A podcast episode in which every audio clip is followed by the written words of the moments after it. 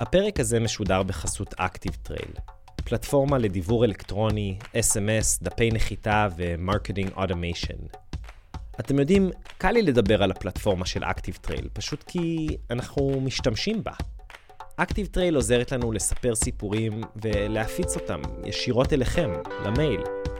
והאמת, גם כשאנחנו קצת מסתבכים בתפעול המערכת, בכל זאת אנחנו אנשי סיפורים ולא מחשבים, צוות התמיכה הנהדר של Active Trail רץ לעזרתנו. הם לא מרפים עד שהכל עובד כמו שצריך, והם רואים חיוך מרוצה על הפנים שלנו. אז כמו שאתם שומעים, אני אישית ממש אוהב את החבר'ה ב Active Trail, ונראה לי שגם אתם תאהבו אותם. כך שאם אתם בעלי עסק, יזמים, משווקים או פשוט ציידי ROI, חפשו את Active Trail בגוגל או בפייסבוק, פיתחו חשבון התנסות ותתחילו לשווק חכם. וכמו תמיד, אפילו סידרנו לכם הטבה ייחודית. היכנסו ל-activetrail.co.il והזינו, איך לא, את קוד הקופון סיפור S-I-P-U-R. לפני כמה חודשים מאוד רצינו לדבר עם מישהו שהוא מומחה לשחרור. חשבנו על מורי יוגה ופילאטיס, שקלנו לפנות למש"קים במדור שחרורים בבקו"ם, אבל אז, במקום, נכנסנו לאוטו ונסענו לספארי, ברמת גן. ההתמחות שלנו בעיקר עד רגע השחרור. את השחרור זה אחיות מומחיות בו, אבל איך שאתה רוצה. תכירו את שמוליק. אני שמוליק לנדאו, אני מטפל ראשי בבית החולים לחיות בר של רשות הטבע והגנים והספארי ברמת גן. ולמרות שהוא לא ממש רואה את עצמו ככזה, שמוליק הוא לגמרי מומחה לשחרור. היינו בבית החולים של שמוליק כל הבוקר, וכשעוברים על ההקלטות, הדבר הכי בולט זה ששי סטרן, מהצוות שלנו, לא הפסיק להתפעל ממה שהוא ראה. תשמע, אני לא ציפיתי לכזאת חוויה אמוציונלית, זה מטורף. אני אומר לך, אני עובר פה איזה חוויה, אני לא מבין למה לא למדתי וטרינריה. אז שייקה, אתה נשמע ממש ממש מתלהב בטייפ שם, מה, מה היה כל כך מגניב? אני מרגיש שלא משנה מה אני אגיד, זה יוריד מה... פשוט חוויה באמת מדהימה שהייתה שם. להיות כל כך קרוב אל החיות המדהימות האלה, וגם דברים חמודים כמו קיפוד תינוק שמאכילים אותו מטפטפה, או אולי פשוט כדאי שאני אספר שזה... קודם כל, זה הבית חולים היחיד לחיות בר בארץ. כשאנחנו היינו שם, אז היה נשר שנאסף גוסס מרמת הגולן, וצו ענק שהגיע עם שריון שבור מהערבה, וזה גם אולי זמן טוב להגיד שאם אתם מוצאים חיית בר פצועה, לא משנה אם זאת ציפור שנפלה מהקן ושברה את הכנף, או איזה חיית בר ש... נדרסה. אז אפשר כאילו להביא אותה לשם. ממש. לשים אותה בקופסה ולהביא אותה לספארי. מה, החיות, כל החיות האלה שמגיעות לשם פשוט גרות שם? אז הן משתקמות שם, ואז המטרה היא לשחרר אותן. שמוליק הסביר ש... זה מאוד משתנה. יכול להיות שאנחנו נקבל אה, ציפור שיר תשושה שרק אה, נכנסה למקום לא נכון בנדידה, ואנחנו כבר באותו יום נוכל לשחרר אותה. ויכול להיות שאנחנו נקבל עכשיו אה, צבי שנדרס, או עופר שנאסף בטעות מהטבע, והוא יבלה אצלנו יותר מחצי שנה. ואחר כך הם כמובן צריכים תהליך השבה לטבע שהוא אפילו מעריך עוד את הזמן, כדי שהם לא יקפצו אה, בבת אחת מתא אשפוז לטבע פתוח בלי שהם יהיו מוכנים לזה. ומה, איך, איך זה נראה המקום הזה? זה כמו גן חיות? אז ממש לא כמו גן חיות, האמת, להפך. אה, שמוליק לקח אותנו לסיבוב. אוקיי, נשמע? כן. נכנסנו למתחם אשפוז. ואתם תראו, זה מאוד שונה, בדרך כלל כשאנחנו באים לראות אה, גן חיות או חיות בשבי, אנחנו רואים שהמטרה היא שהכל יהיה כמה שיותר תצוגתי ויפה, ואי אפשר לראות את הבעלי חיים. אז פה אנחנו עובדים הפוך, הבעלי חיים כמה שיותר מוסתרים, שיהיה להם את השקט שלהם, יש להם כמה שיותר מקומות מסתור. אז אני מצטער לבשר לכם, אבל זה אומר גם שאתם לא תוכלו לבקר את שמוליק ואת הבית חולים בכלל, כי בני אדם ממש מסוכנים לחיות האלה, שצריכות בסופו של דבר לחזור לטבע. ו- וראיתם שחרור? כן. לגמרי. הוא גזל מתבגר שהגיע אלינו מאוד מיובש, ועכשיו ראינו שהוא עף ממש טוב, אז אנחנו ניקח אותו פה ליד הסבך ונשחרר. רגע, אומרים משהו לפני? עושים משהו לפני? יש איזה טקסיות לא. הטקסיות היא שאנחנו רוצים שהוא יעוף טוב. שאף אחד לא יאכל אותו, שהוא ימצא אוכל, שהוא לא יחזור אלינו. אז uh, זה שחרור, תכירו, שחרור שהולך לשחרור. חמוד. הוא מאוד חמוד. מוכנים? אז תחזיקו אצבעות. איך היה השחרור הזה? היה שחרור טוב? השחרור לא אף רחוק, אולי שלושה מטרים, לפני שהוא נחת על איזה ענף. ואז שמוליק הסתובב והתחיל ללכת. אני לא בדיוק הבנתי מה קורה. צריך לשחרר, עכשיו יש לו את החיים שלו, אנחנו לא רוצים להלחיץ אותו. אתה לא רוצה לפחות להישאר להסתכל מה הצעד הבא שלו? אפשר להסתכל מהצד הבא שלו. לא, אבל אם, אם לא היינו פה היית פשוט הולך. כן. זהו, הוא בכוחות עצמו עכשיו. אנחנו לא יכולים להשגיח עליו יותר, עשינו בשבילו כל מה שאפשר. נתנו לו טיפול, נתנו לו את האוכל הכי טוב שיש, הוא התאמן בתעופה. ועכשיו הוא צריך אה, לעשות את זה בעצמו. אנחנו מיצינו את החלק שלנו. ומלהסתכל עליו אתה יכול לדעת שהוא בסדר? תראה, הוא רגוע, הוא לא נושם בלחץ, הוא לא עף בהיסטריה, הוא בודק את העולם, הוא עומד שם מסתכל על מה שקורה, אז זה נראה טוב. זה נראה כמו משהו אופטימי מאוד.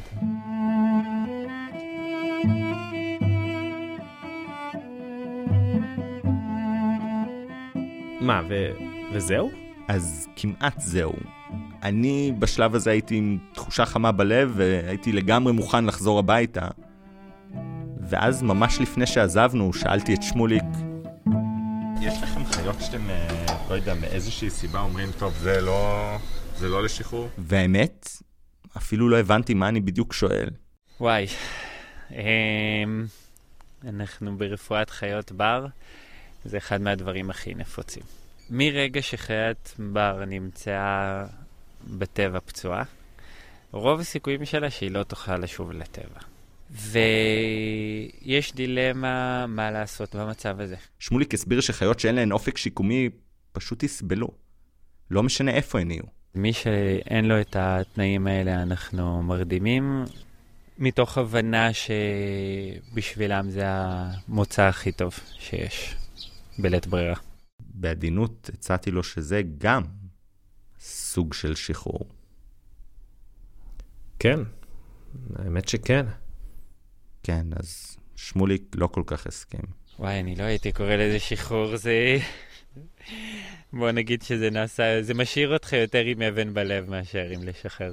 זה לא שחרור אה, לטבע, אבל אולי זה שחרור מהסבל, מהחיים. נכון, אז יש פעמים שאתה למשל מקבל צבי שנדרס, ואין הרבה צבעים בארץ. יש בערך שלושת אלפים צבעים בכל הארץ. ואנחנו מקבלים אותם כשהם נדרסים, ולפעמים אתה רואה יצור שהוא... אין, הוא בחרדת מוות, הוא סובל ברמה הפיזית, ברמה שאנחנו לא יכולים לדמיין, הוא עבר טראומה מטורפת, ופה אתה מרגיש שאוקיי, let it be, שהוא יהיה במקום טוב יותר, כבני אדם אנחנו עשינו פה את המידת נזק שלנו, ועכשיו כל מה שאנחנו יכולים זה לצמצם סבל.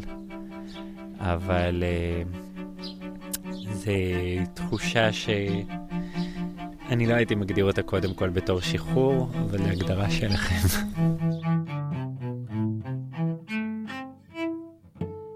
אהלן, אהלן. אני מישי הרמן, וברוכים הבאים לעוד פרק של סיפור ישראלי. והפעם, תרגיל בשחרור, בשתי מערכות. תשמעו, לשחרר זה, זה לא קל. בשבילי למשל זה אפילו די קשה. לקחת צעד אחורה, לתת לדברים לקרות מעצמם, וכמו ששמוליק אומר, פשוט to let it be. אני חושב שכולנו, מי יותר ומי פחות, מתמודדים עם הקושי הזה. בעבודה, במערכות יחסים, בחברויות.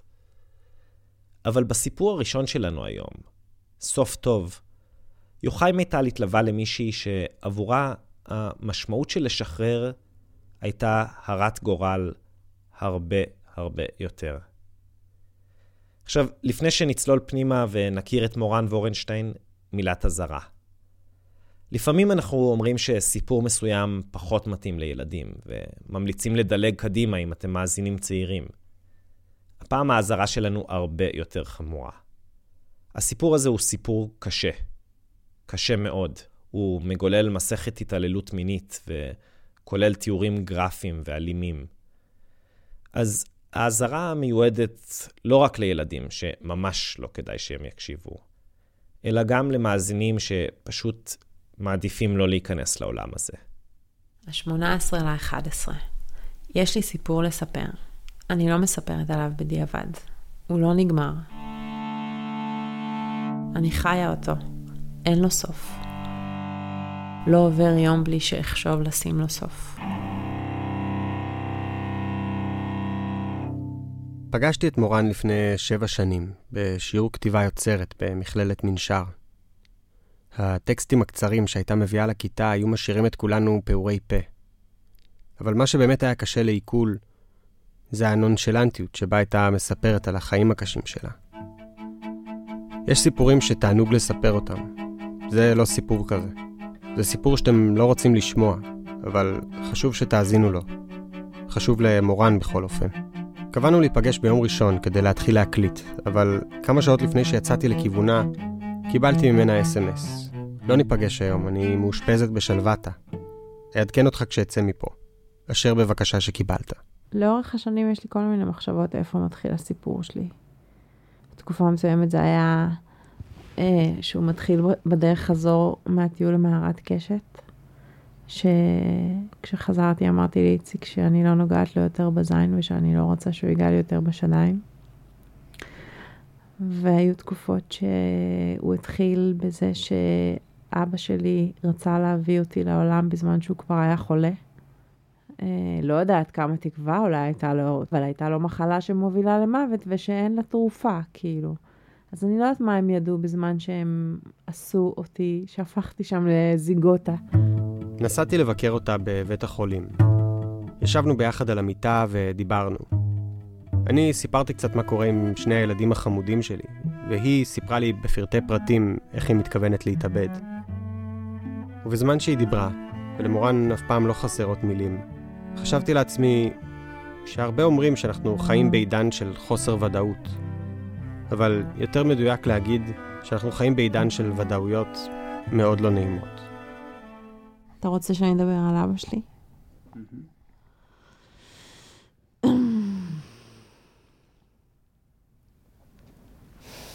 מה אני אספר לך עליו?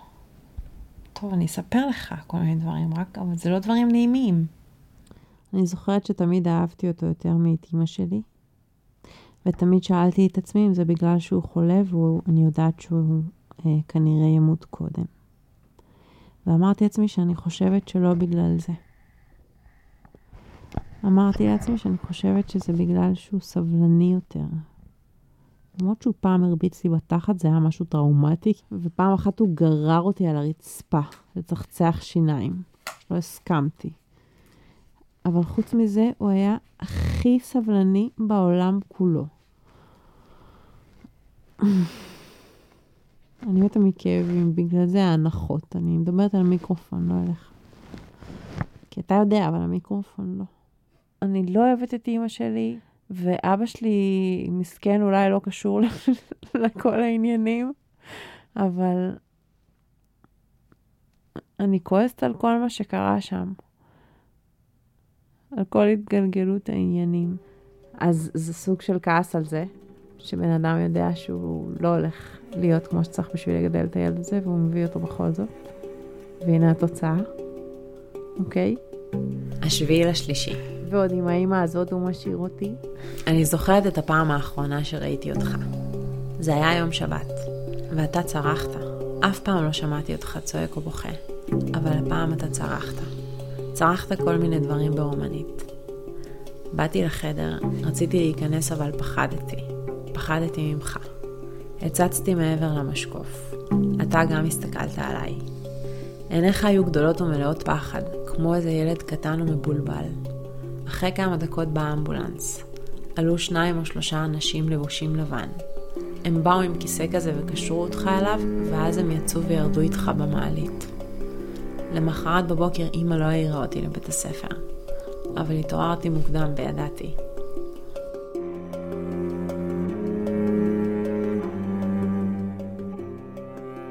אני הייתי ילדה שמחה לאללה. לא יודעת, הייתי פשוט ילדה שאהבה את החיים, נכון מוזר להגיד? אבל באמת הייתי כזאת. גם אחרי שאבא שלי מת. כל היום הייתי בחוץ, כל יום. ההורים שלי שלחו אותי להמון חוגים. כל מיני אנגלית ו... ופסנתר. כשהייתי קטנה, בלט, והייתי בחוג טניס, והייתי בקרמיקה, ולא יודעת, ויוגה באמת, מלא. ואז, בדלת, התחלתי בין היתר כדורסל. טוב מאוד, תמסרי לה. כשהתחלתי כדורסל, לא רציתי יותר ללכת לשום חוג, כי רציתי ללכת כל יום לכדורסל. מורן, קחי לה את הכדור. והפסקתי את, ה, את הכל, ונהייתי ממש שחקנית כדורסל קטנה. אבל ממש, כי הייתי מעולה. והייתי כמובן הקפטנית, וכמובן שהייתי בכל העמדות, כי בגיל הזה איזה בת יודעת לשחק כדורסל. אחרי שאבא שלי מת, בהתחלה לא היה שום nothing special. בעצם אה, שנה די ריקה, נראה לי שבעיקר שיחקתי כדורסל. תראי את מורן.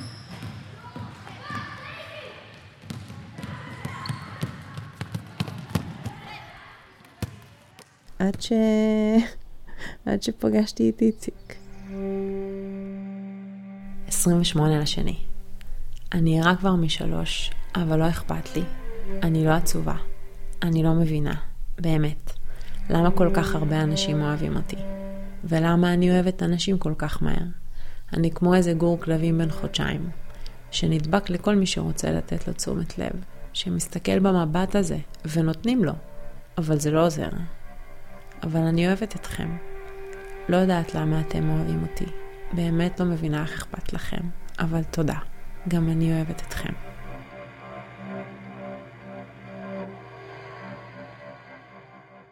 אני ואימא שלי טסנו לטיול מאורגן בחו"ל בחופש הגדול. היינו טיולים מאורגנים כאלה, אה, דנמרק, שוודיה, נור... נורבגיה. פעם ראשונה בחיים על קרחון, וזה היה מדהים, והיה שם מלא פיורדים, וראיתי אה, קרני שמש נשברות על מפל ועושות קשת, ראיתי כל מיני מראות כאלה של חו"ל. ואיציק היה מדריך שם. וישר אמרתי משהו כמו איזה זקן ומכוער הוא נראה. הייתי ילדה בת 13 וחצי, כן? והוא ישר נתן לי יותר תשומת לב. וכל האנשים בטיול מסביב דיברו על זה, ואני לא הבנתי על מה הם מדברים. והוא אמר לי שהם מקנאים בי, כי הוא אוהב אותי, וכי אני יפה. בדיעבד אני מניחה שהאנשים האלה פשוט אה, אמרו משהו על זה שאיציק קצת יותר מדי מגפף את מורן. אבל אני לא ראיתי את זה ככה. אז באמת לחלוטין לא. הוא בסופו של דבר רק חיבק אותי ונשק אותי, כאילו גם מגע שיכול היה להיש... להישאר תמים, אבל פעם אחת ירדתי מהאוטובוס אחרי איזו נסיעה ארוכה, והוא נשך לי את תנוך האוזן. זה לא היה נעים פיזית, זה כאב, וזה גם לא הרגיש תקין. אבל uh, הבלקתי על זה. אתה לא מבין כמה רציתי תשומת לב של אבא, כאילו כל השנים מאז שנולדתי לא היה לי, באמת שלא, אבא שלי היה חולה. 14 לשישי. פעמים רבות אני חושבת ומנסה להבין למה כל כך קשה לי לכעוס עליה. אולי זה בגלל שפעם היא הייתה טובה. אני מרגישה שאני יותר מבוגרת מאימא שלי. מחשבתי צלולה משלה. היא איבדה את כל כוחה. היא תלויה עכשיו באהבה. ובעד אהבה זו, ובעד האדם שאותו היא אוהבת, ובו היא מאמינה, היא מוכנה למכור את בתה. אבל ילדה בת 16, אף אחד כבר לא רוצה לקנות. אז במטוס חזור כבר בכיתי כל הדרך. ישבתי לידו, הוא סידר לי כרטיס טיסה לידו. הוא אמר לי שהוא יבוא לבקר אותי וזה וזה, ו... ושדברים טובים אף פעם לא נגמרים. ואז הוא נרדם באיזשהו שעה, ואני חשבתי לעצמי שדברים טובים כן נגמרים. ואז הוא באמת בא לבקר אותי ואת אימא שלי. הוא ישב על ספה, על הקצה, ואני כזה שכבתי ושמתי עליו את הראש. ואימא שלי ישבה עם הפנים שהיא רואה את שנינו, והוא שם לי את היד על השד, ככה, כאילו. שכבתי על הגב, כאילו, סליחה, יוחאי, ככה, אוקיי? כאילו, חפן אותו כזה, דרך הבגדים. ואימא שלי יושבת שם ורואה. ואני הזזתי לו את היד לבטן, והוא שוב החזיר, ושוב הזזתי, והוא שוב החזיר.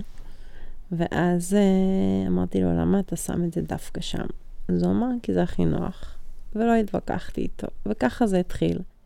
ואז הוא התחיל לבוא לבקר ולבקר. תוך כדי שהוא בא לבקר, הוא כבר קנה דירה בנס ציונה לידינו, דירה קטנה. ואז היה לו אולקוס, הוא התאשפז בבית חולים. כל זה במסגרת, לקח שלושה שבועות נגיד, כן? כשהוא השתחרר מהבית חולים, הוא עבר לגור אצלנו.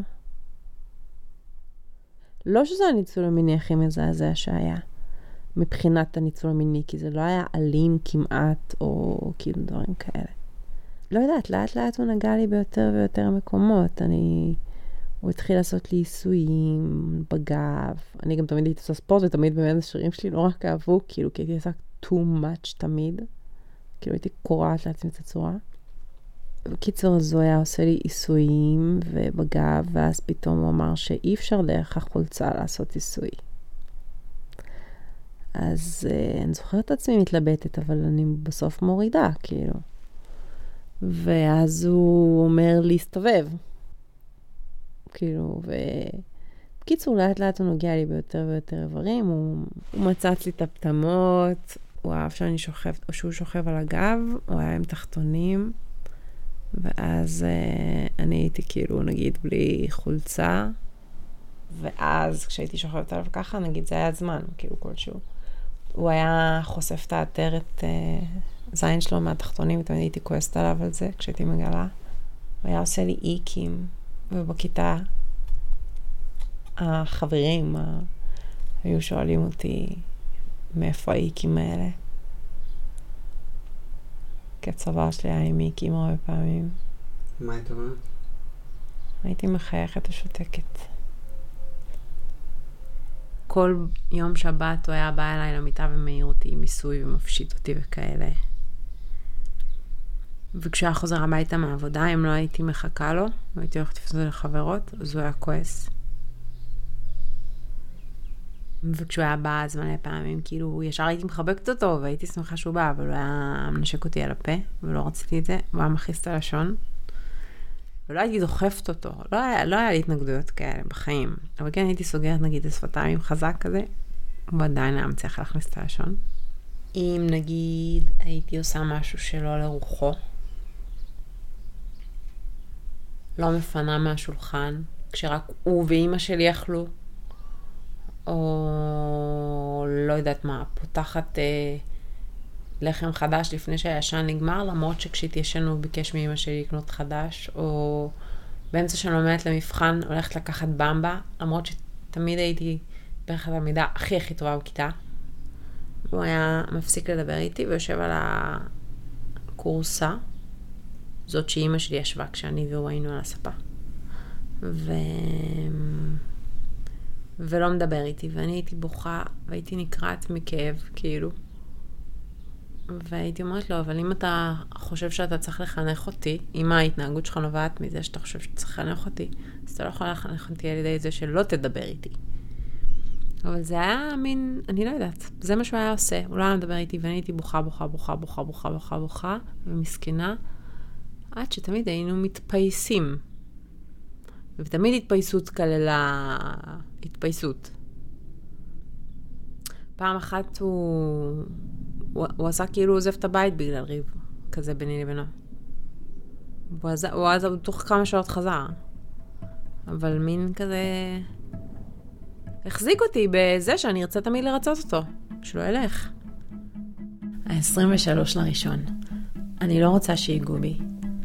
אני לא רוצה לאכול, ואני לא רוצה ללכת לטיפול, ואני לא מפחדת מאף אחד. נמאס לי להיכנס לריטואל הזה. להכניס את עצמי לשם כל יום שוב, ואני רוצה לישון. לפחות לגוף שלי עם עצמי לבד הוא לא יתערב לי. אני לא רוצה שיגע בי, אני לא רוצה לאכול, אני לא רוצה ללכת לטיפול. פעם אחת הוא עשה לי משהו באונס. באונס. מבחינה משפטית זה נקרא אינוס. זה לא אונס, אבל הוא עשה לי משהו באונס, כאילו. זה היה בחדר של מלון, זה היה שהיינו בטיול אחר, ב... זה היה בבודפסט. וכאילו אני צרחתי וצעקתי, כי פתאום דחפו לי אצבע לתחת, וזה נורא נורא כאב ובכוח.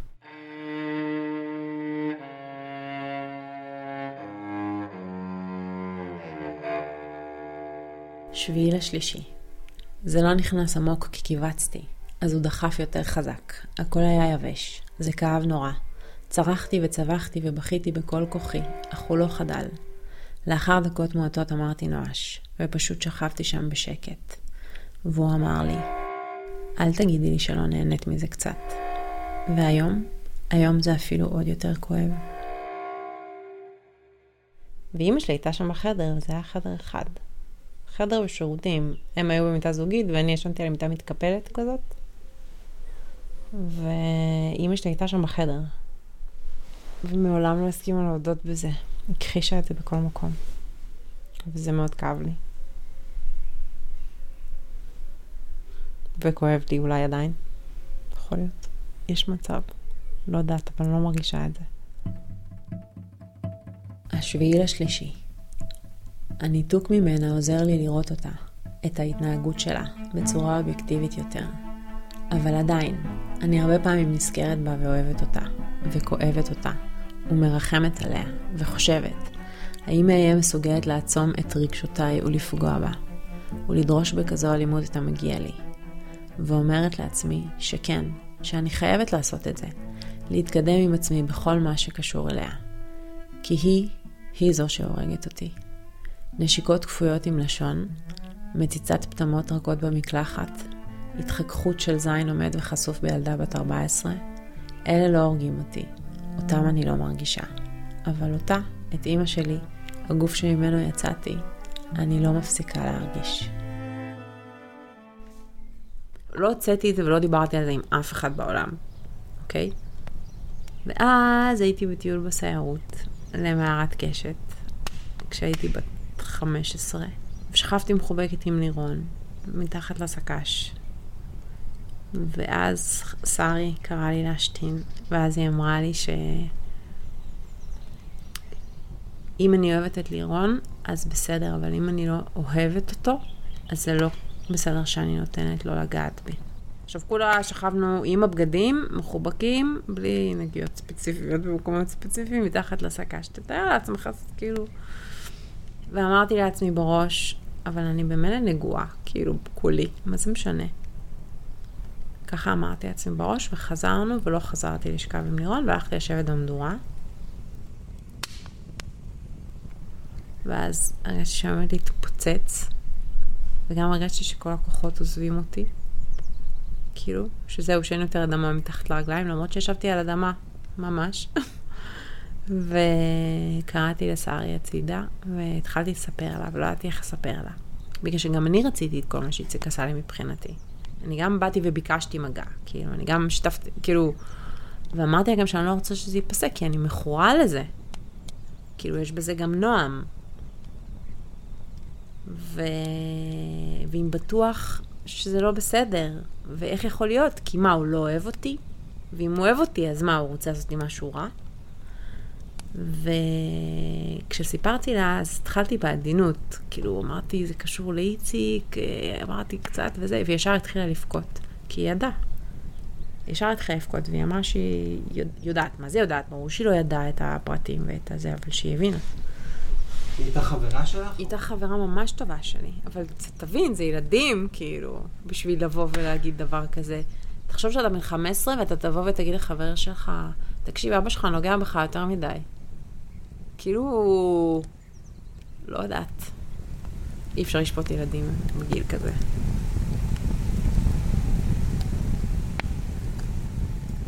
אמרתי שבתור התחלה אני אגיד לו שאני לא הולכת לגעת לו יותר בזין, והוא לא הולך לגעת לי יותר בשדיים, כי זה מבחינתי דברים מובהקים, לא היה, כאילו, אין מה להתבלבל.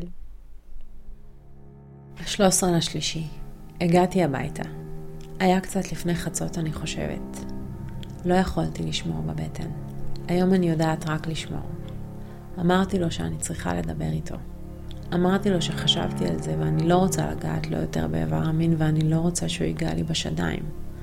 הייתי צריכה להגיד לו שאני לא רוצה לגעת לו בזין יותר. נרקומנית.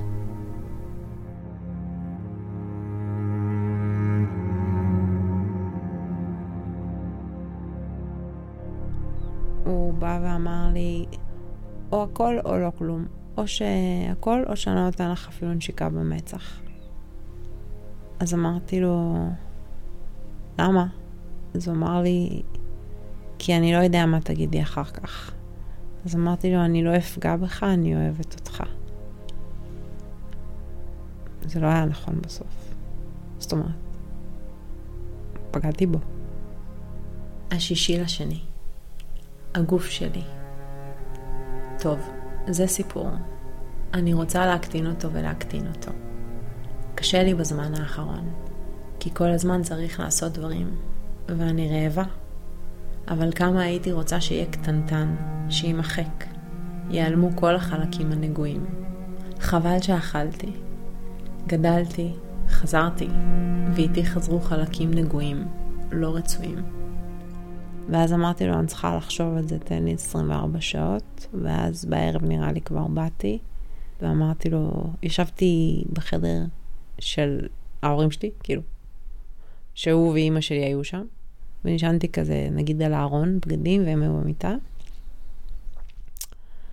ואמרתי להם שאני לא רוצה יותר, ואז אימא שלי אמרה לי את המשפטים האלה שקראת, ש... למה את לא רוצה את זה יותר? למי סיפרת? אף אחד לא יכול להבין. כאילו, ניסתה לשכנע אותי. להמשיך בכך. היא הסכים, היא רצתה שנמשיך לגור שלושתנו ביחד.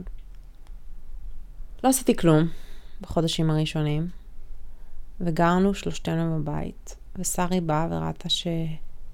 בקיצור, אף אחד לא דיבר עם אף אחד. זאת אומרת, אני והם לא דיברנו.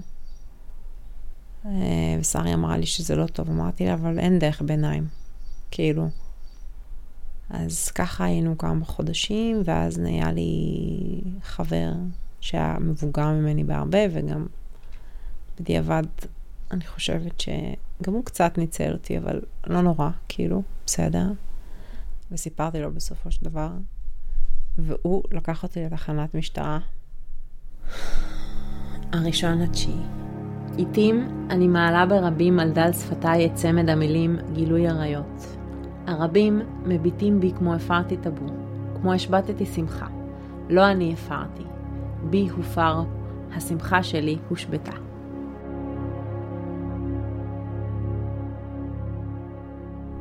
ואז בא שוטר שראיין אותי וראיין אותי, יש לי את הפרוטוקול והכל. כאילו, הוא חקר אותי, ואני לא אשכח לו את אחד המשפטים שהוא אמר. הוא אמר לי, אני כל הזמן אמרתי שגם אני רציתי, וגם כאילו זה היה קורה כאילו גם שלוש פעמים ביום, כאילו מה הדברים שהיו קורים, וגם אני רציתי את זה, זאת אומרת, זה היה לכאורה הדדי על פני השטח. והוא אמר לי, הוא אמר משפט נכון, אבל הוא אמר משפט... הוא אמר, מתוך הדברים שלך עולה שכל המעשים שנעשו, אה, נעשו מרצונך. אני צריכה להסביר משהו? אוקיי. 24 לשני. זה שהרגל שלי שרופה עד כדי כך שאנשים ברחוב מסתכלים, זה שאני שוקלת פחות מ-50 קילו, זה שאני יורדת באמצע הלילה למטה ומעשנת עד שהגוף שלי לא יכול יותר לספוג ניקוטין ואני מקיאה, כל זה לא נורא. זה לא הגבול. לא מצליחה אפילו להתבייש בזה. ישר אחרי שהוצאתי את הדברים וזה וזה, התחלתי לעשות לעצמי קביעות. אבל אז הייתי עושה בקטן כי הייתי מסתירה, אף אחד עוד לא זה. הייתי עושה קביעות עם עצתים בעיקר, כי חתכים זה בעיקרון פחות כואב, בגדול, כן? שאתה חורך את האור שלך עד שהוא נאכל ונהיה שחור, זה הרבה יותר כואב. כל מי שנחווה יודע שאפילו קביעה פיצית זה כואב נורא. אז שלא לדבר על להחזיק מצית עד שלא יוצא ממנה יותר גז. התחילו לי בעיות שינה נורא חמורות בתיכון, ו... ולא ישנתי שנים, באמת.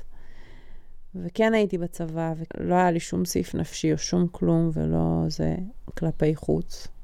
אבל אחרי הצבא, זה התחיל ממש, גם לפני הצבא זה היה, אבל אחרי הצבא נראה לי היה איזה קפיצת מדרגה. ניסיתי להתאבד בכל מיני קטעים, אבל זה היה ממש פתטי, כאילו... זאת אומרת, ניסיתי לחתוך את הוורידים, אבל זה ממש קשה, לא ידעתי עד כמה זה קשה עדיין. אה, יש לי אפילו, טוב, יש לי פה מלא מלא מלא מלא צלקות, אבל יש לי אחת ש... אתה רואה שיש פה מלא פסים? זה מלא ניסיונות כאלה, רואה? אה, אז כל מיני ניסיונות, וכן בלעתי כדורים בכל מיני כמויות. אך, זה אף פעם לא היה עובד לי. אבל מה שלא עבד למורן, עבד לאחרים. באמצע שנות ה-20 לחייה, מורן יצא עם בחור. הם כבר פחות או יותר גרו יחד, אבל היא הרגישה שהדברים לא הולכים טוב. אחרי שיחת תאונה, שבה הודיעה לו שהיא רוצה שהם ייפרדו, מורן יצא לנשום אוויר ולחשוב. אבל לפני שהספיקה לפנות את כל הדברים שלה, שבהם היו גם התרופות שלה, הוא התאבד. לאחר, לאחרים מצליחים להתאבד עם הכדורים שלי, רק אני לא. המשפחה שלו האשימה אותה. גם מורן האשימה את עצמה, או לפחות הרגישה שיש לה אחריות מסוימת במקרה. היא נכנסה לסחרחורת של דיכאון, ואז מניה גדולה, שבעקבותיה היא התאשפזה. אחרי כמה שבועות היא שוחררה מבית החולים, אבל הטיפול במחלקה הסגורה לא ממש עזר. אני לא באה בביקורת על אף, אף, אף, אף, אף אחד מהמטפלים שלי. אני הייתי במצב מאוד קשה, וזה לא פשוט לטפל במקרה כזה, אם בכלל. מורן יצא מבית החולים עם מוצ'ילה קרועה וגיטרה מרופטת על הגב. היא תפסה טרמפים, אבל לא היה לה יעד ברור. אחרי שנהג אחד הטריד אותה מינית, אבל בקטנה, כמו שמורן הגדירה, היא ירדה באמצע הדרך והתחילה ללכת, עד שהיא הגיעה למלון זול, ושכרה בו חדר. אחרי שלושה ימים נגמר לה הכסף, ולא היה לה לאן ללכת, איפה לגור. אז בלית ברירה, היא חזרה לאימא שלה, לבית שבו גדלה בנס ציונה. למחרת הלכה לפגישה אצל הפסיכולוגית, ואחרי הפגישה חזרה הביתה. הביטה למטה מהחלון הפתוח של הקומה הרביעית. ופשוט שמתי את הרגל, הופ, על החיים ועל המוות, במובן של מוות זה טוב, אבל אולי זה לא, אבל ננסה.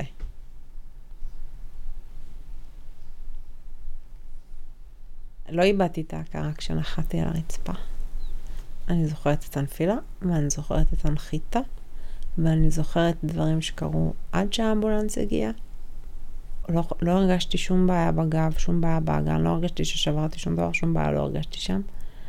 הבן אדם הראשון שרץ אליי, קוראים לו יוסי.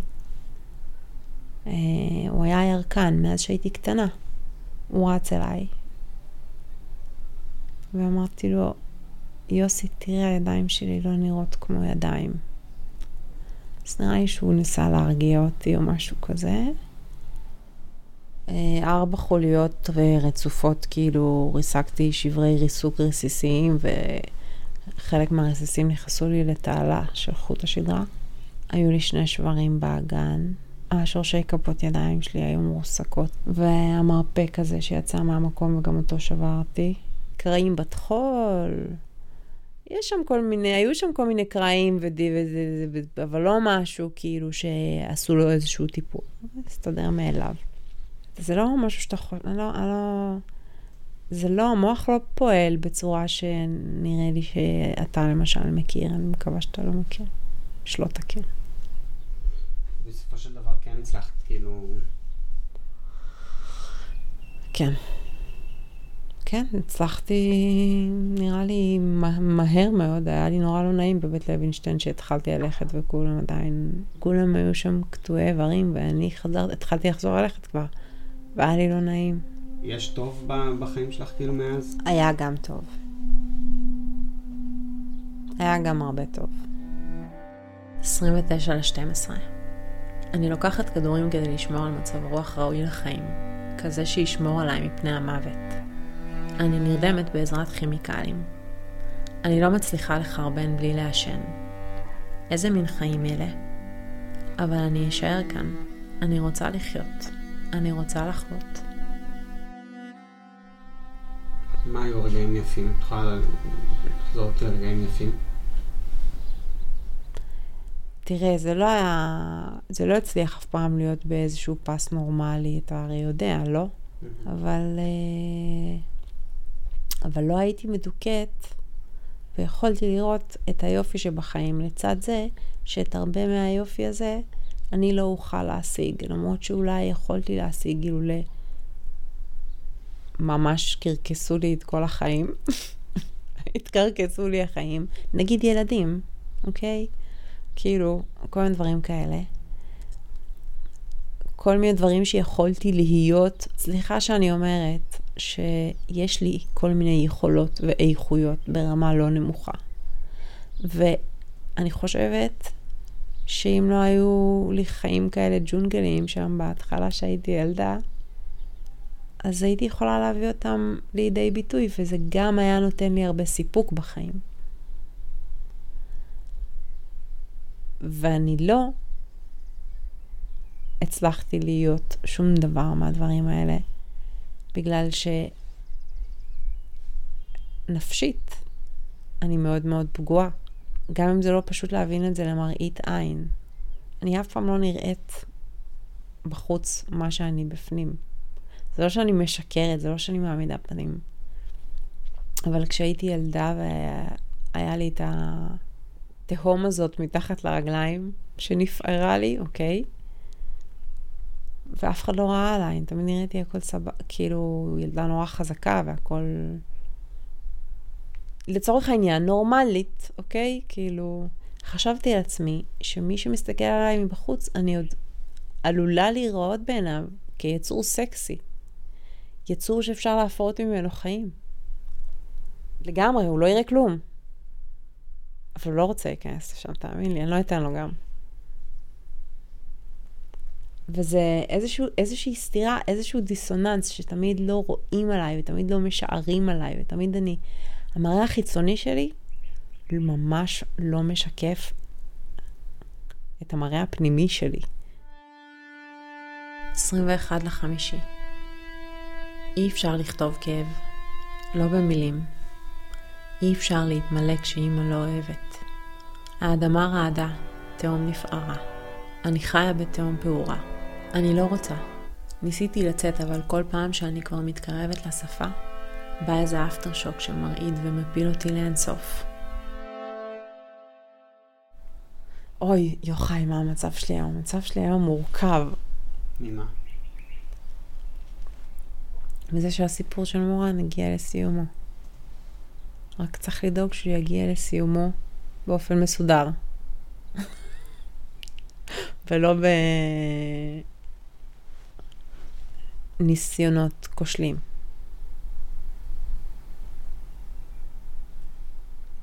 ולא מתוך חוסר רצון לחיות. דווקא בזמן הזה עם הכאבים האלה אני גיליתי גם שאני בוכה על זה שאני הולכת למות, שאני עצובה על זה שחבל, שהייתי רוצה אחרת. אני פעם רק רציתי למות. רק רציתי למות.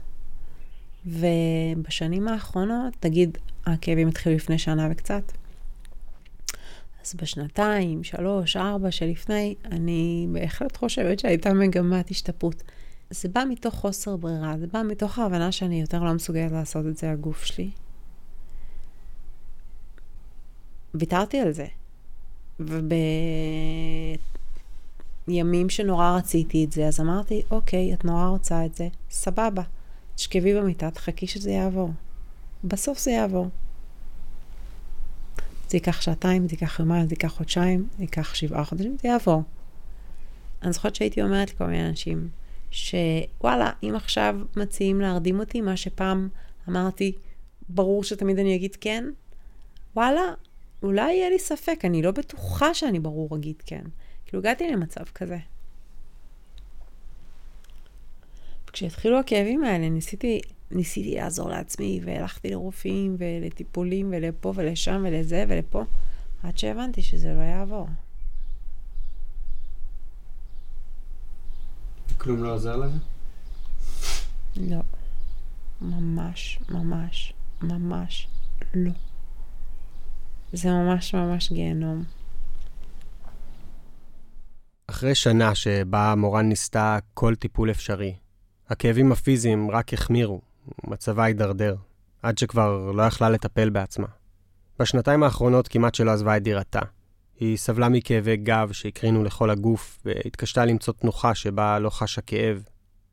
היא נסמכה על עזרתם של אחרים לדברים הכי בסיסיים, כמו להתקלח, להתלבש. מורן החליטה לוותר על המאבק לחיים נורמליים, והחליפה אותו במאבק חדש. המאבק על הזכות למות בכבוד. היא פנתה לדיגניטס, ארגון שוויצרי שמסייע לחולים סופניים או אנשים בעלי כאב בלתי נסבל, וביקשה עזרה לשים סוף לחייה, באופן מבוקר, בטוח וחסר כאב. הייתי מעדיפה להישאר, אתה יודע, הסיבה שלקח לי כל כך הרבה שנים, זה ש... שהיה לי חבל, עד שאני החלטתי לחיות. אז פתאום כאילו, אני בדד אנד. אני לא מפחד שאני אתחרט או משהו כזה, אבל יש בזה משהו כאילו, כי הייתי באמת מעדיפה שזה לא יהיה ככה. בגלל זה לקח לי הרבה זמן, אני חושבת. מורן נכנסה לתהליך ארוך של אישורים מול הארגון. היא הייתה צריכה להוכיח שהיא ניסתה כל אפיק רפואי להפגת הכאבים, וגם שהיא שפויה, ברת דעת. כהרגלה הייתה גלויה וישירה עם הסביבה לגבי הרצונות שלה. במשך חודשים היא עסקה בהגשת הבקשה, המצאת המסמכים הרפואיים, חוות הדעת, כתיבת קורות חיים מפורטים, תרגומים נוטריונים להכל. הרבה אנשים שאהבו אותה הזדעזעו והזדעקו. הם ניסו בכל דרך להציל אותה, לגרום לה לשנות את דעתה, אבל היה לזה אפקט הפוך. ככל שחלף הזמן, הכאבים גברו, ואיתם הנחישות של מורן לסיים את חייה. היא איבדה סבלנות כלפי ניסיונות הצלה, ובודדה את עצמה. אחרי שהגישה את כל המסמכים, הייתה תקופת המתנה של חודשים. ואז, באוגוסט האחרון, דיגניטס כתבו לה. הם ביקשו שתגיע לשוויץ. הם רצו לפגוש אותה, פנים אל פנים, ולהתרשם בעצמם. מורן ביקשה שאתלווה עליה. נחתנו הישר מהחמסין והאובך, בשוויץ ירוקה ונעימה של סוף הקיץ. אני נראה לי הולכת בעיקרון אה, לעבור חוות דעת פסיכיאטרית, בדיוק כמו שעברתי. רק שהפעם זה תהיה הרופאה שמסכימה אולי לרשום לי ברביטורט. ברביטורט הוא סם ההרדמה, אותו תשתה מורן, במינון קטלני. המשרד של הרופאה היה בקומה השנייה, בלי מעלית, ומורן כבר לא הייתה במצב לטפס מדרגות. ישבנו בפיצריה קטנה, במרכז המסחרי למטה. מתנדבת פסיכיאטר מורן ואני, על כיסאות פלסטיק צהובים ועל דיאט קולה, מנהלים שיחה ארוכה שתחרוץ את דינה. בסוף קבעו יחד תאריך לביקור שני, אחרון, ה-16 בינואר. אחרי הפגישה מורן קרנה מאושר. אני לא ראיתי אותה מחייכת ככה חודשים. היה לה חיוך נפלא, מדבק, אבל בשבועות ההמתנה בארץ מצבה הלך והחמיר. בערך בתקופה הזאת כבר לא הצלחתי לגייס את מורן לעבור איתי על טיוטות לסיפור. כעבור ארבעה חודשים, כשנחתנו בציריך בפעם השנייה, שווייץ כבר לא הייתה ירוקה. היא הייתה לבנה לגמרי. סופות שלגים פקדו את כל אירופה. בחודשים שחלפו מאז הביקור הקודם שלנו, היא רזתה מאוד, כמעט שלא יכלה ללכת לבד. אך למרות זאת, מצב הרוח שלה היה מרומם. ניסינו לבלות קצת, אבל היה למורן קשה לשבת לפרקי זמן ממושכים. רצינו להקל עליה, שכרנו רכב טוב עם מערכת הנאה מלאה וחימום לטוסיק. נסענו דרך כפרים שוויצריים עטופים בפתיתי שלג. מדי פעם, כשיצאה לרגע השמש, יצאנו למתוח רגליים. מורן זיהתה עופות דורסים ודיווחה לנו אם מדובר בבז, בעית או בנשר. העיניים שלה היו חדות, אבל הגוף שלה כבר היה גמור. אז יש עוד 44 שעות, ואני רוצה נורא לא להיות בגוף הזה. אני יודעת שאני לא אהיה בשום מקום אחר, אבל אני לא יכולה להיות בגוף הזה, זה פשוט סבל גופני וגם סבל נפשי, בגלל שהמיינד והרצונות והחשקים ממשיכים לחיות, ואתה יודע שאתה לא יכול ליישם אותם. אני רוצה שזה ייגמר. למרות שלפעמים זה עצוב לי, אבל uh, אפילו 44 שעות מרגיש לי הרבה. אתה מאמין לי? אפילו שאני איתכם וכיף, אתם כאלה חמודים. תודה. ביום שני בבוקר, אחרי עצירה קצרה להפוך, תפוזים סחוט טרי ועוגת גבינה עם אוכמניות. טעים! זה אמיתי. בקשתה של מורן לסעודה האחרונה. וואו, טעים. יצאנו לכיוון הסוף, שבחרה לעצמה. אני מתרגשת.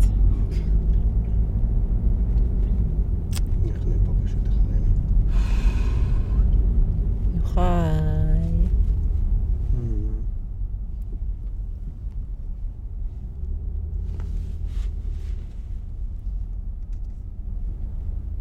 יש שאלות שלא שאלתי אותך שהייתי צריך לשאול? או משהו שאת רוצה להגיד אחרון? I have nothing special to say. אין לי שום דבר מיוחד להגיד. אני בסדר. ממש בסדר. יותר בסדר מכל השלוש שנים האחרונות, זה בטוח. אז כמה רחוק צריך ללכת? זה הכחול הזה. טוב, אבל צריכה מעיל. לא צריך לחזור. את מוכנה? למות? קדימה, כאילו. כשיש החלטות קשות, נגיד להגיש תלונה במשטרה, כל מיני, לעזוב את הבית, לזה, קדימה, פשוט עושים את זה. אוקיי, אני מכבה. That's it. ביי. להתראות. זאת אומרת, שלום.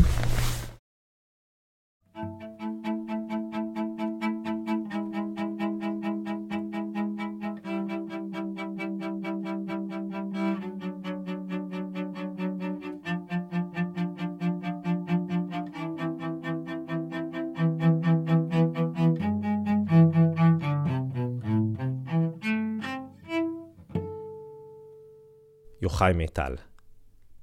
לקראת שידור הסיפור הזה יצרנו קשר עם אימא של מורן, כדי לאפשר לה להגיב על עיקרי הדברים. היא סירבה וביקשה שנעזוב אותה לנפשה. את תגובתו של איציק, בן זוגה של האימא, אי אפשר היה לקבל. טוב, אז מכיוון שהרגשנו שאי אפשר להשאיר אתכם ו... וגם אותנו עם תחושת מועקה כל כך כבדה, יש לנו עוד סיפור אחד, לגמרי אחר, על הצורך לשחרר. ספרי ילדים, ובמיוחד ספרי ילדים טובים, הם הרבה פעמים לא רק מעשיות נעימות על נסיכות וממלכות רחוקות. הם ניסיונות להסביר לילדים, וגם להורים שלהם שמקריאים להם, אמיתות קשות לגבי החיים. כמו למשל, במקרה של הסיפור הבא, הרעיון הזה שלפעמים הדרך הכי טובה להיות חבר אמיתי היא פשוט לשחרר, לומר שלום. מערכה שנייה, עמוס ובוריס. סיפור ילדים מאת ויליאם סטייג. קובי מידן קורא את התרגום של יהודה מלצר. עמוס, עכבר אחד, חי על יד האוקיינוס.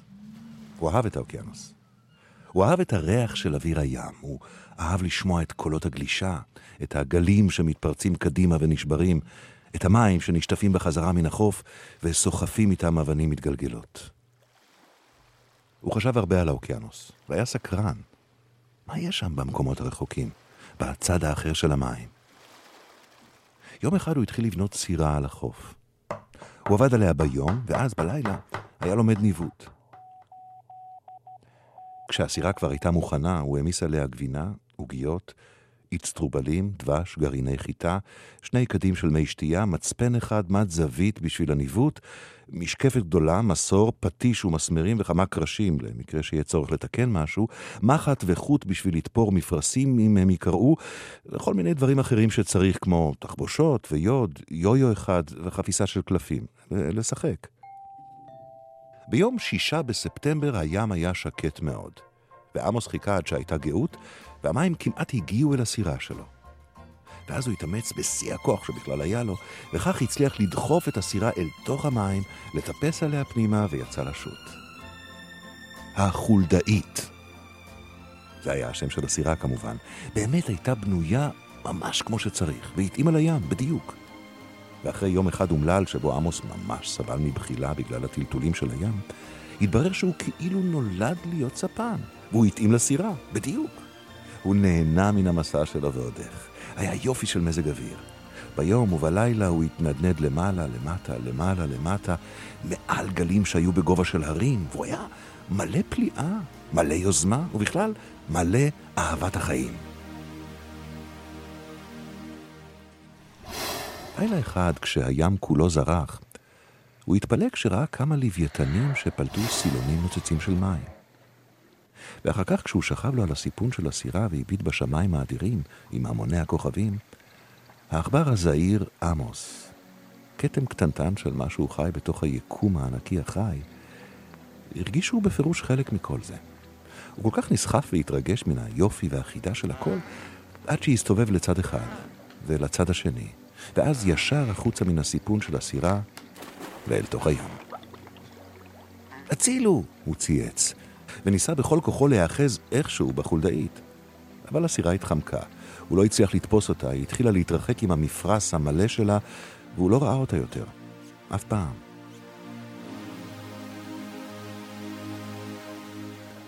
והנה עכשיו הוא כאן. איפה?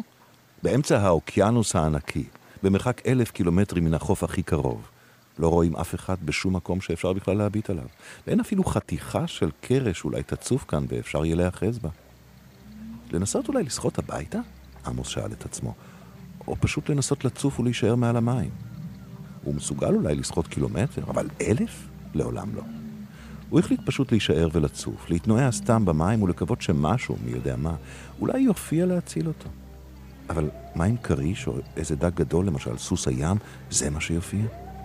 מה הוא אמור אז לעשות בשביל להגן על עצמו? הוא לא ידע.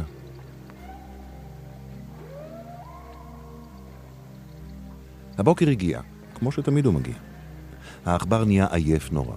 הוא היה קטן מאוד, היה לו קר מאוד, הוא היה רטוב מאוד ונורא מודאג. עדיין אי אפשר היה לראות שם שום דבר, רק את הים הריק. ואז, כאילו שהעסק לא היה מספיק רע, עוד התחיל לרדת גשם. בסוף הגשם נגמר, והשמש של הצהריים קצת עודדה אותו וחיממה אותו בתוך הבדידות הענקית. אבל הכוח הלך ונגמר לו. הוא התחיל לערער איך זה יהיה אם הוא יטבע. זה ייקח הרבה זמן? הוא ירגיש מזה ממש איום ונורא? הנשמה שלו תעוף לגן עדן?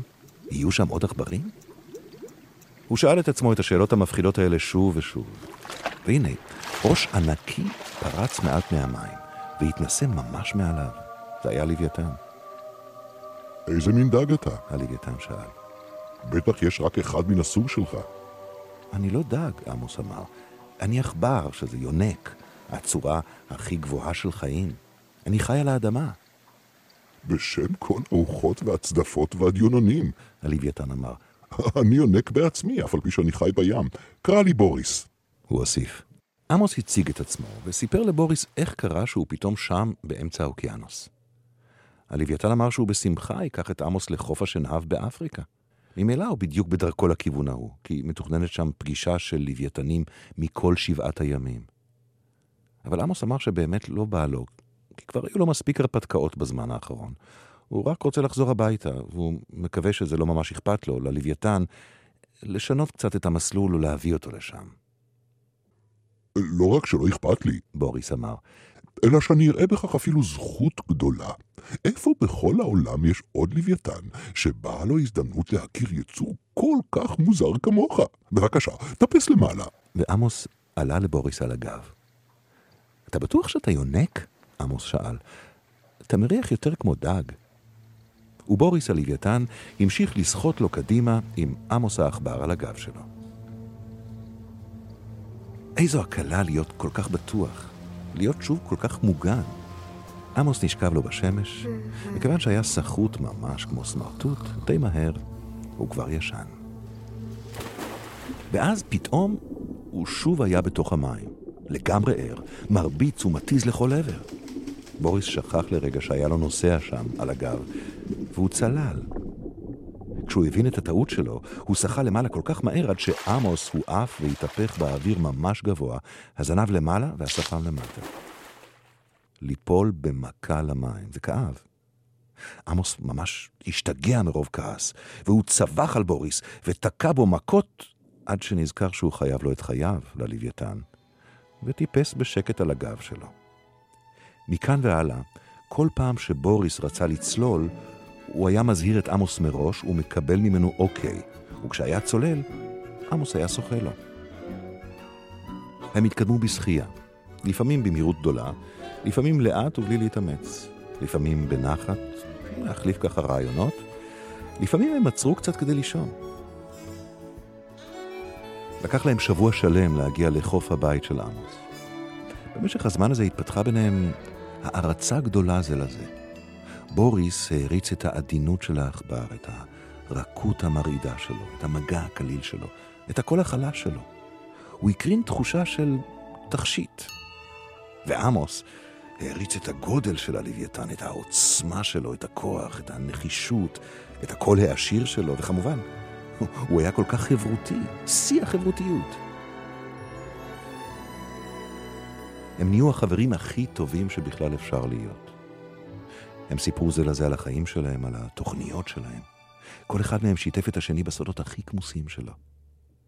הלוויתן היה סקרן מאוד בכל מה שקשור לחיים על האדמה, והצטער שהוא לעולם לא יהיה מסוגל לעבור את החוויה הזאת. ועמוס היה ממש נרגש מן הסיפורים של הלוויתן על מה שהולך שם למטה, במעמקי הים. עמוס לפעמים התקייף לו על הגב של הלוויתן, והיה רץ הלוך ושוב ככה בשביל להתאמן. כשהיה רעב, היה אוכל צמחים ודגים שנסחפו במים. הדבר היחיד שחסר לו היה מים רגילים, לא מלוכים. הגיע הזמן להגיד שלום. הם כמעט הגיעו לחוף. הלוואי שהיינו יכולים להיות חברים לנצח, בוריס אמר.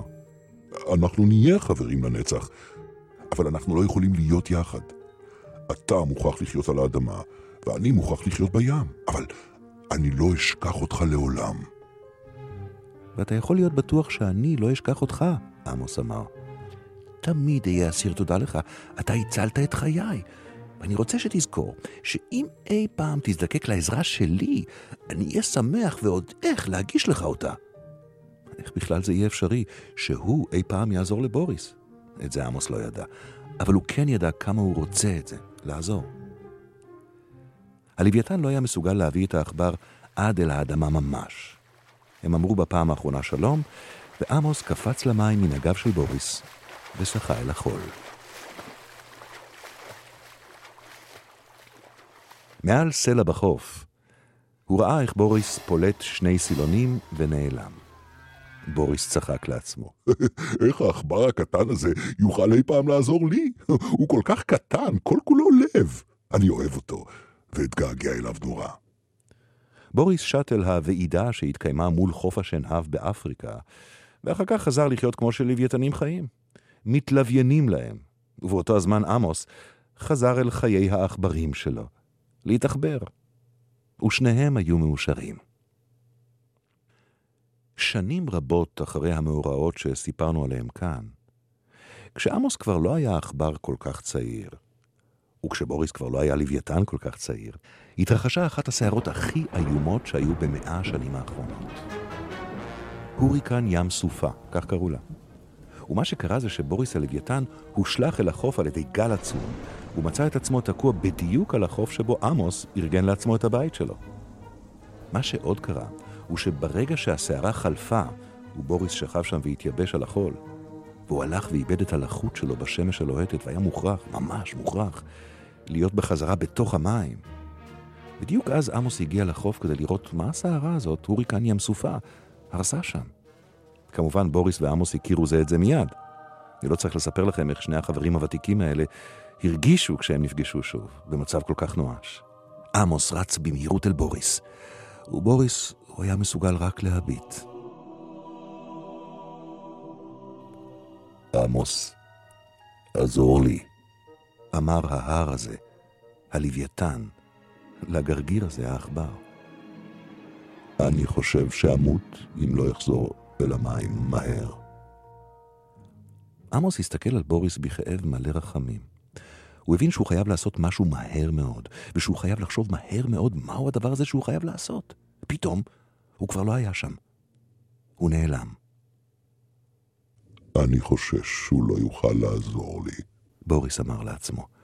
גם אם הוא באמת כל כך רוצה לעשות משהו, מה בחור קטן כזה יכול לעשות? בדיוק כמו שעמוס פעם הרגיש, לגמרי לבד באמצע האוקיינוס. כך הרגיש עכשיו בוריס, כשהוא שכב לבד על החוף. הוא היה בטוח שהוא הולך למות. ובדיוק כשכבר הכין את עצמו למות, עמוס חזר בריצה מהירה עם שניים מהפילים הכי גדולים שהוא היה בכלל מסוגל למצוא. בלי לבזבז שום זמן, שני הפילים האלה, טובי הלב, התחילו לדחוף בכל כוחם את הגוף האדיר של בוריס, עד שהוא התחיל להתהפך, מכוסה כולו בחול, ולהתגלגל לכיוון הים. עמוס, הוא נעמד על הראש של אחד משני הפילים וצבח הוראות, אבל אף אחד לא שמע אותו. תוך כמה דקות בוריס כבר היה במים. גלים התחילו לשטוף אותו ולהתנפץ עליו. הוא הרגיש את הרטיבות הנפלאה. אתה צריך להיות מחוץ לים, כדי לדעת עד כמה זה נהדר להיות בתוכו, הוא חשב. זאת אומרת, אם אתה לוויתן. ובעוד רגע הוא כבר היה מסוגל להתקשקש ולהתפתל לעבר המים העמוקים יותר. הוא הפנה את פניו לאחור והסתכל אל עמוס, שישב על הראש של הפיל. דמעות זלגו להן למטה לאורך הלחיים הענקיות של הלוויתן. והעכבר הקטנטן גם לא היו דמעות בעיניים. יהיה שלום, חבר יקר, צייץ עמוס. ויהיה שלום, חבר יקר. המהם בוריס, והוא נעלם לו בתוך הגלים.